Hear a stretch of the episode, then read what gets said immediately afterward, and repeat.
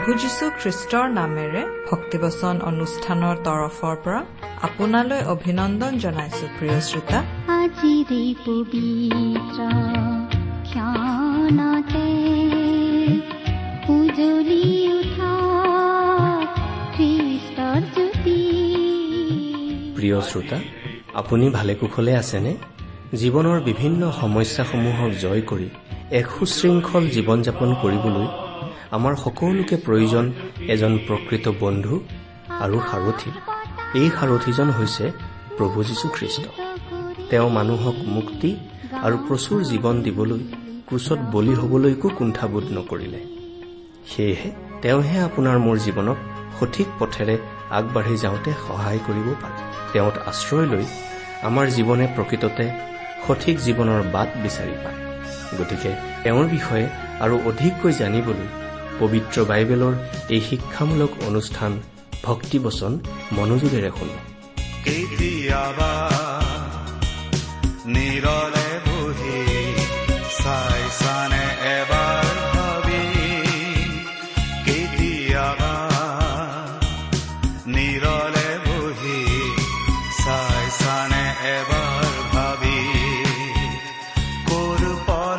আহিছা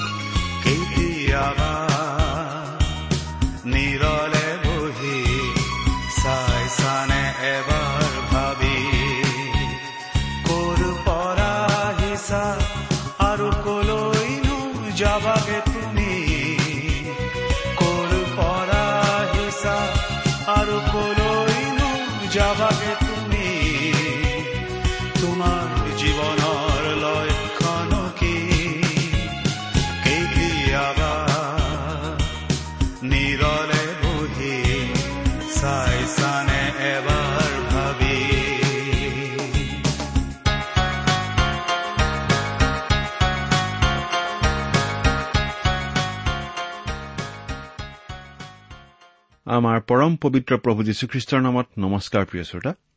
আশা কৰো মহান পিতা পৰমেশ্বৰৰ মহান অনুগ্ৰহত আপুনি ভালে কুশলে আছে। প্ৰিয় শ্ৰোতা আপুনি যে আমাৰ এই ভক্তিবচন অনুষ্ঠানটো শুনিছে তাৰ দ্বাৰা আচলতে ঈশ্বৰৰ প্ৰতি থকা আপোনাৰ শ্ৰদ্ধা ভক্তিৰ কথাই প্ৰকাশ পাইছে। সেই মহান ঈশ্বৰৰ মহান বাক্য বাইবেল শাস্ত্ৰৰ সহজ সৰল অধ্যয়নেই আমাৰ এই ভক্তিবচন অনুষ্ঠানটোৰ উদ্দেশ্য। সেই ক্ষেত্ৰত আমি কিমান দূৰ সফল হৈছো তাৰ বিচাৰ আপোনালোকৰ হাতত। আপোনালোকৰ মতামত আদি আমালৈ চিঠি লিখি জনাবচোন। যদি আপুনি আমাৰ নিয়মীয়া শ্ৰোতা কিন্তু কেতিয়াও আমালৈ চিঠি পত্ৰ লিখা নাই তেনেহলে আজিয়ে লিখিবচোন। যদি আমালৈ মাজে সময়ে চিঠি পত্ৰ লিখি আছে তেনেহলে লিখিবলৈ যেন এৰি নিদিয়ে। আহকচোন আজিৰ বাইবেল অধ্যয়ন আৰম্ভ কৰাৰ আগতে খন্তেক প্ৰাৰ্থনাত মূৰ দুৱাওঁ হওক। আমি প্ৰাৰ্থনা কৰো। স্বৰ্গত থকা অসীম দয়ালু পিতৃ ঈশ্বৰ তোমাৰ মহান নামৰ ধন্যবাদ কৰো। তুমি সৰ্বশক্তিমান সৰ্বব্যাপী সৰ্বজ্ঞানী ঈশ্বৰ হৈও আমাৰ দৰে সাধাৰণ মানুহক যে ইমান প্ৰেম কৰা সেই কথা ভাবিলেই আচৰিত লাগে। তুমি আমাক ইমানেই প্ৰেম কৰিলা যে আমাক পৰিত্ৰাণ দিবলৈ তুমি তোমাৰ একেজাত পুত্ৰ যীশুখ্ৰীষ্টকেই আমালৈ দান কৰিলা। তেওঁ আমাৰ সকলো পাপৰ বোজা নিজৰ কান্ধত লৈ আমাৰ হৈ ক্ৰুচত প্ৰাণ দিলে। নিজৰ পবিত্ৰ তেজেৰে আমাৰ পাপৰ প্ৰায়চিত্ৰ কৰিলে। আজি তেওঁত বিশ্বাস কৰি আমি অনন্ত জীৱন লাভ কৰি তোমাক পিতৃ বুলি মাতিব পৰা হৈছো। তাৰ বাবে তোমাক অশেষ ধন্যবাদ পিতা। এতিয়া আমি তোমাৰ মহান বাক্য বাইবেল শাস্ত্ৰ অধ্যয়ন কৰিবলৈ ওলাইছো। প্ৰাৰ্থনা কৰিছো পিতা তোমাৰ বাক্য বুজি পাবলৈ তুমি আমাক সহায় কৰা। এই অনুষ্ঠান শুনি থকা আমাৰ মৰমৰ শ্ৰোতাসকলক তুমি উপচি পৰাকৈ আশীৰ্বাদ কৰা। তেওঁলোকৰ জীৱন তোমাৰ মহান আশীৰ্বাদেৰে সফল কৰি তোলা। তোমাৰ স্পষ্ট মাত তেওঁলোকক শুনিবলৈ দিয়া। কিয়নো এই প্ৰাৰ্থনা আমাৰ মহান ত্ৰাণকৰ্তা মৃত্যুঞ্জয় প্ৰভু যীশুখ্ৰীষ্টৰ নামত আগবঢ়ালো। আমেন।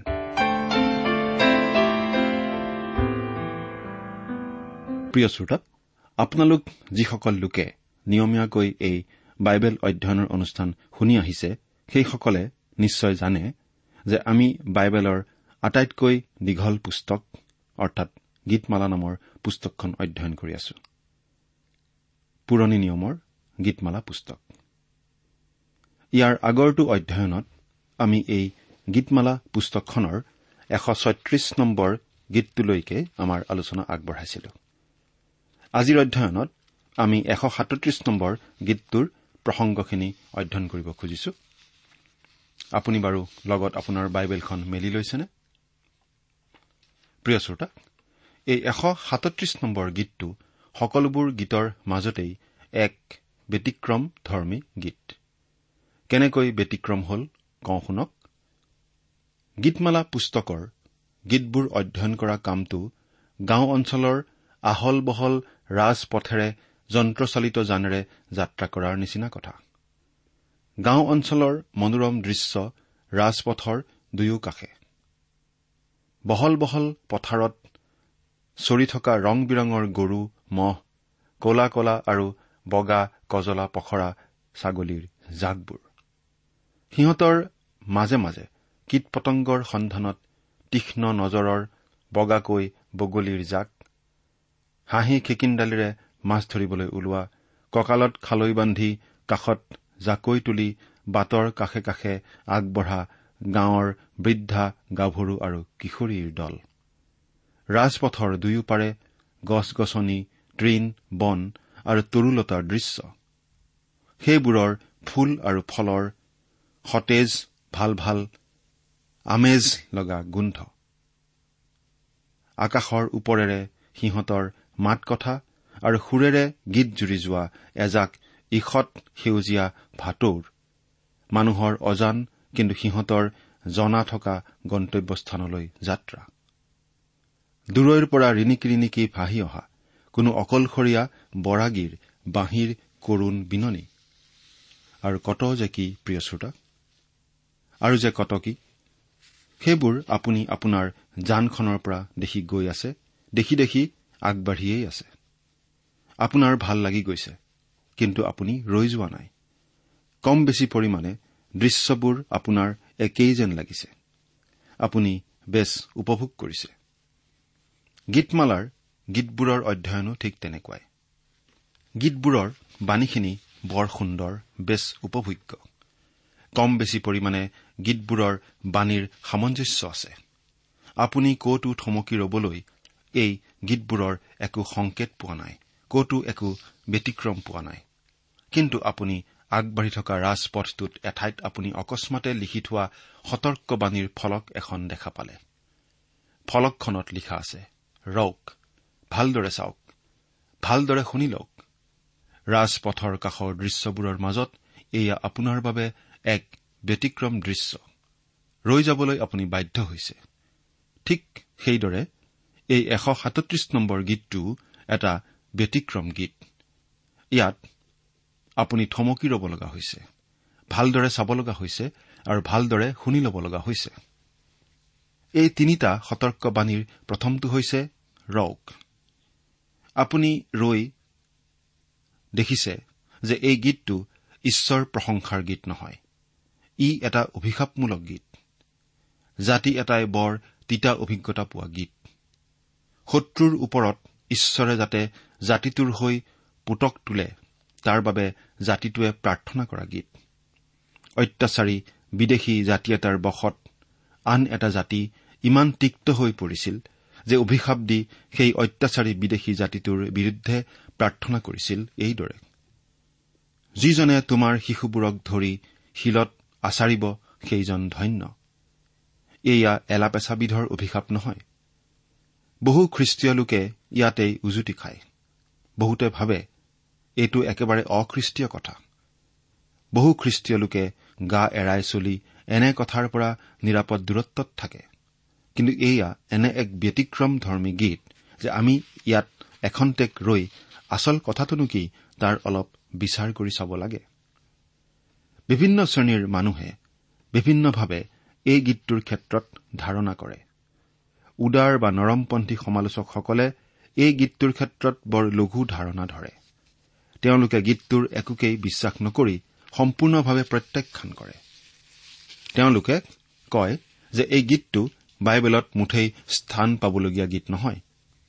যিটো হোৱা উচিত বুলি তেওঁলোকে ভাবে তাৰ সম্পূৰ্ণ বিপৰীত মত এই গীতটোত কোৱা হৈছে বুলি তেওঁলোকে কয়। আন এটা শ্ৰেণীৰ সমালোচক আছে যিসকলে নিজক উচ্চ স্তৰৰ সমালোচক বুলি ভাবে। তেওঁলোকে বাইবেলৰ সেইবোৰ কথা গ্ৰাহ্য কৰে যিবোৰ তেওঁলোকে ভাল পায় আৰু সেইবোৰ কথা বা বিষয় তেওঁলোকে অগ্ৰাহ্য কৰে যিবোৰ তেওঁলোকে ভাল নাপায়।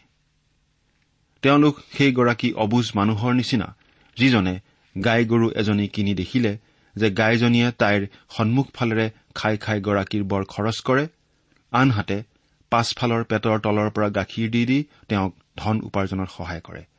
গতিকে সেই অজলা অবুজ মানুহজনে গাইজনীৰ পেটৰ তলখিনিহে মনোনিৱেশ কৰি খাই খাই গৰাকীৰ খৰচ কৰা সন্মুখৰ ফালে মন দিবলৈ সমলি বাদ দিলে। ফলত কি হল? গাইজনী মৰি থাকিল। উচ্চ মানদণ্ডৰ সমালোচক ৰূপে জ্ঞান কৰা সমালোচকসকলে ঠিক তেনেকুৱাই কৰে। তেওঁলোকে ভাল পোৱাখিনিক গ্ৰহণ কৰে আৰু বেয়া পোৱাখিনিক গ্ৰহণ নকৰে।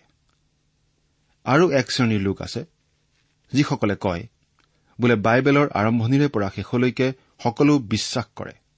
কিন্তু বাইবেলখনৰ আৰম্ভণি আৰু শেষৰ মাজদোখৰত কি আছে সেই বিষয়ে তেওঁলোকৰ হলে জ্ঞান নাই। সেইকাৰণেই বাইবেল বিশ্বাস কৰিলেও বাইবেল বিশ্বাস কৰা আমাৰ অনেকক বাইবেলৰ জ্ঞান নথকা লোকৰূপে অৱহেলা কৰা হয়। বাইবেল বিশ্বাস কৰে ঠিকেই কিন্তু সেই বাইবেলৰ বিষয়ে জ্ঞান নাথাকিলে বাইবেলৰ বিষয়ে একো নজনাকৈয়ে বিশ্বাস কৰাক নুবুজাবনে? সেইটো বৰ দুখৰ কথা নহয়নে?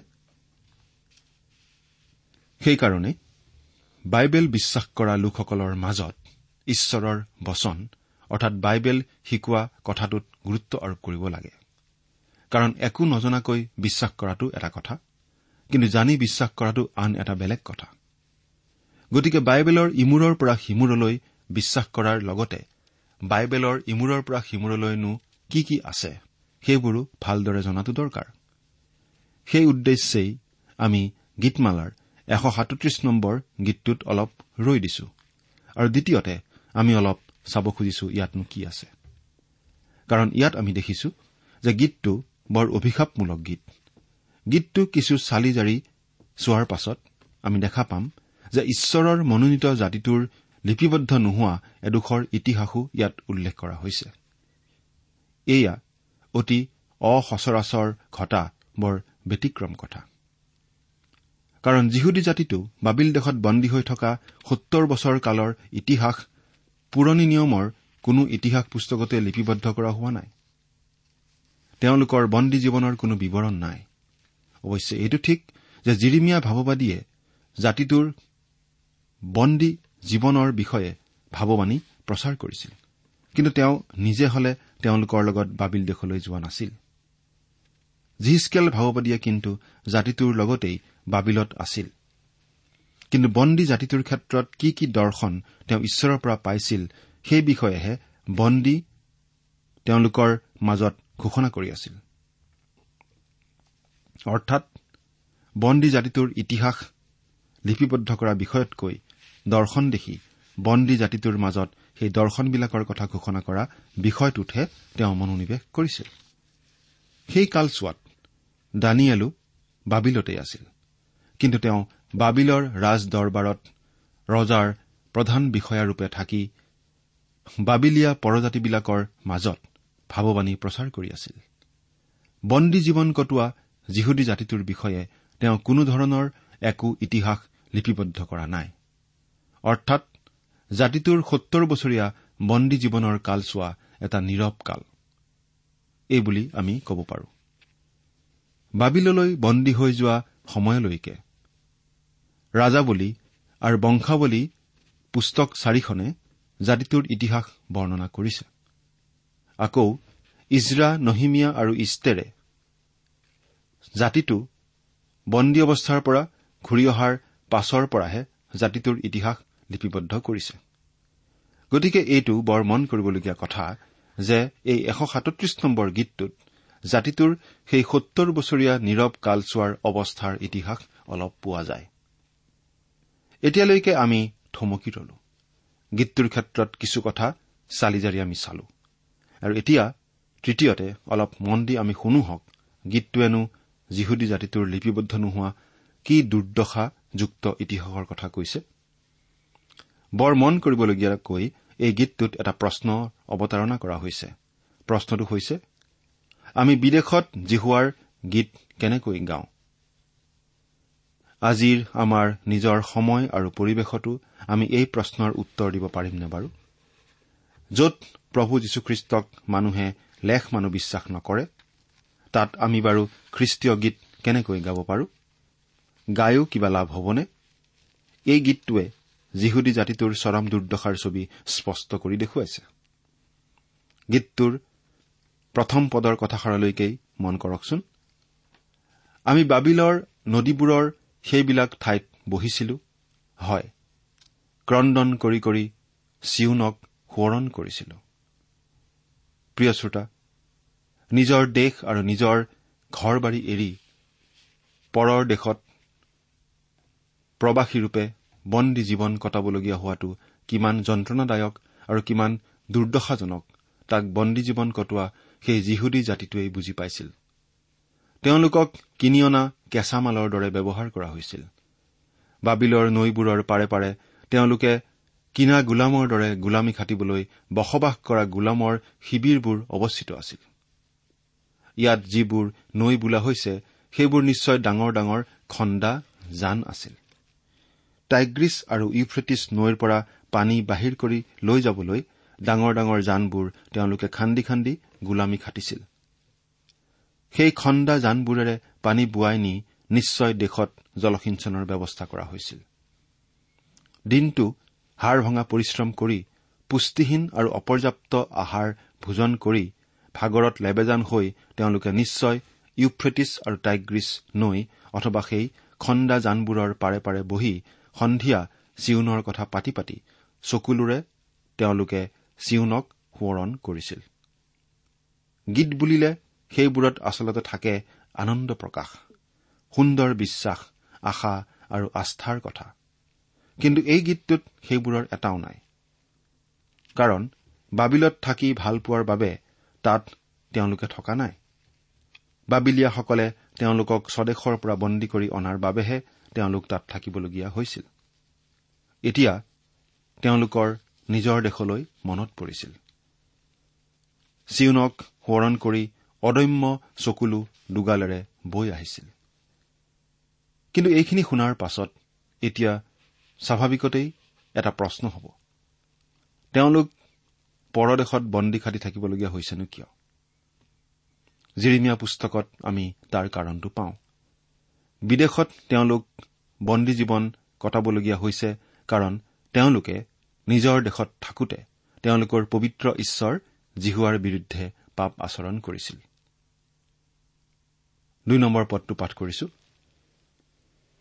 সেই ঠাইৰ মাজত থকা বাইচি গছত আমি আমাৰ বিনা আঁৰি থৈছিলো। তেওঁলোকে গান গাবলৈ এৰি দিছিল। গান গোৱাৰ সলনি তেওঁলোকে কান্দিছিলহে। বাবিলৰ নদীবোৰৰ পাৰত তেওঁলোকে চিউনৰ গান গাব পৰা নাছিল।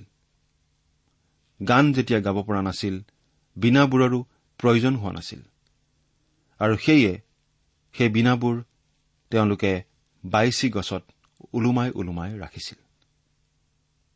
প্ৰিয় শ্ৰোতা আমাৰ খ্ৰীষ্টীয় জীৱনতো এই অভিজ্ঞতাটো কিমান সঁচা?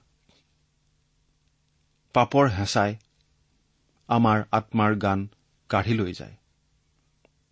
আমাৰ জীৱন বিনাৰ তাঁৰ ছিঙি পেলায়। এনেকুৱা অভিজ্ঞতা বাৰু আপোনাৰ হৈছেনে? আপুনি বাৰু প্ৰভুৰ গৌৰৱৰ অৰ্থে গান গাবলৈকো আপুনি ভাল নোপোৱা হৈছে এনেকুৱা অৱস্থা হৈছেনে? বা এনেকুৱা অৱস্থাৰ মাজেৰে আপুনি বাৰু পাৰ হৈ আহিছেনে? প্ৰিয় শ্ৰোতা যদিহে আপুনি এনেকুৱা অৱস্থাত আছে যে আপুনি আনকি প্ৰভুৰ উদ্দেশ্যে গান গাবলৈও আপোনাৰ মন নোযোৱা হৈছে তেনেহলে পৰিত্ৰাতা প্ৰভু যীশুখ্ৰীষ্টৰ ওচৰলৈ আহক। আপোনাৰ জীৱন বিনাৰ ছিঙি যোৱা তাৰ তেওঁহে জোৰা লগাই দিব পাৰিব। এতিয়া আমি তিনি নম্বৰ পদটো পাঠ কৰিছো। তিনি নম্বৰ পদ ইয়াত এনেদৰে লিখা আছে কিয়নো তাত আমাক বন্দী কৰি নিয়াবিলাকে। গান গাবলৈ আৰু আমাক ক্লেশ দিয়াবিলাকে আমাক আনন্দ কৰিবলৈ দি কলে। আমাৰ আগত চিউনৰ এটি গীত গোৱা। শত্ৰু বাবিলিয়াসকলেও জানিছিল যে ইছৰাইলৰ সন্তানসকল গীত গোৱাত বৰ পাকৈত আছিল। ইছৰাইলৰ সেই সন্তানসকল গীত গোৱাত সঁচাকৈ বৰ পাকৈত আছিল। তেওঁলোক গীত গোৱাত কিয় পাকৈত আছিল বাৰু? তেওঁলোক গীত গোৱাত এইকাৰণেই পাকৈত আছিল কাৰণ তেওঁলোকৰ ঈশ্বৰ ভজনা কৰিবৰ বাবে এখন মন্দিৰ আছিল।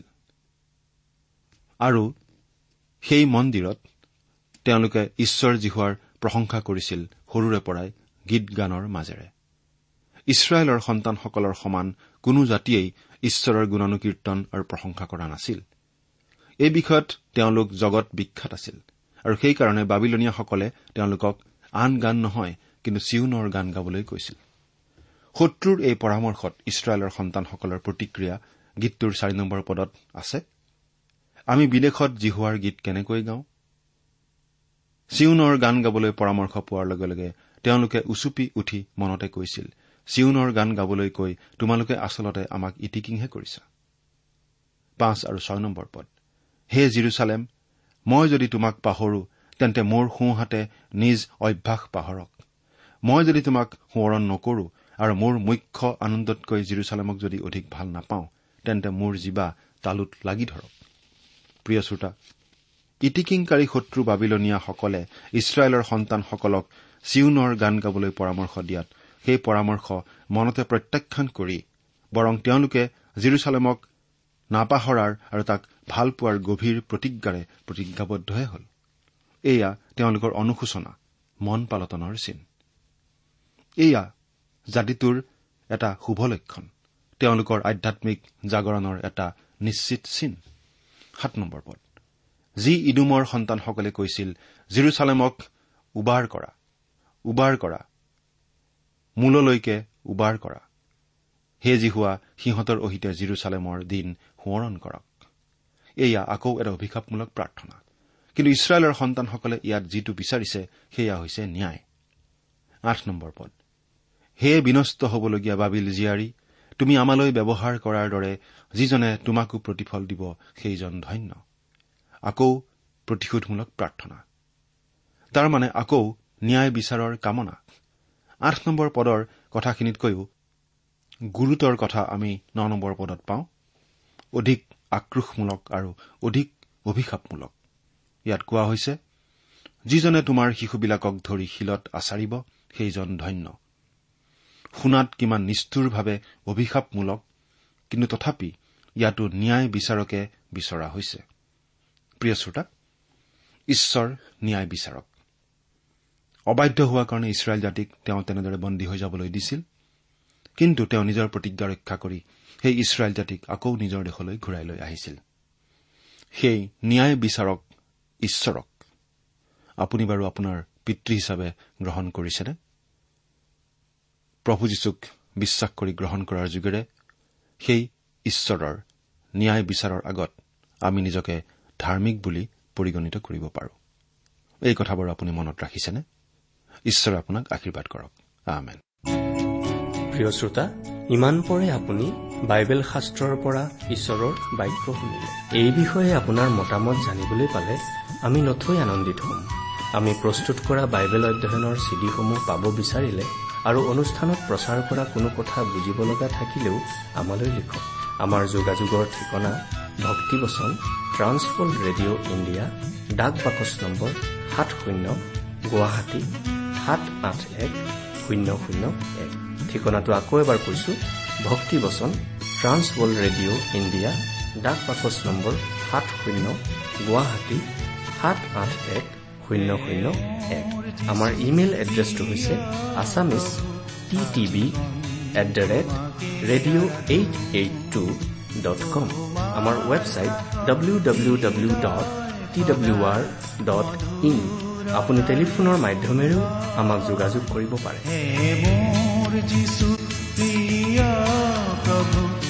আজীৱন তোমাকে আৰাধো তোমাৰ কাষত হৃদয় সদায় মধুৰতাৰে সুৰ হয় আমাৰ টেলিফোন নম্বৰটো হৈছে nine eight five four zero' four zero' eight eight nine.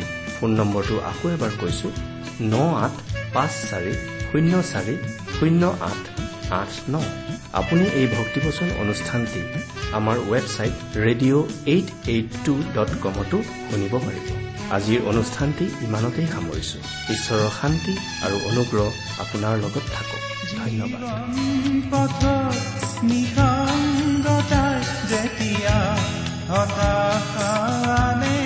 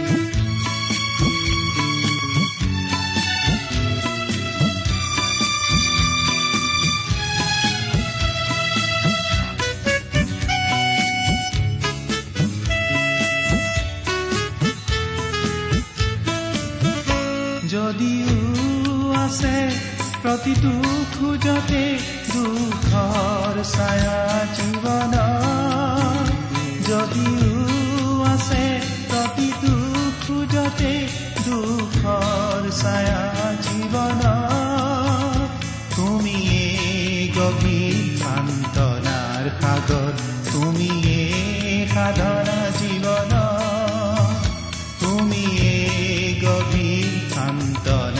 সান্তনাৰ সাগৰ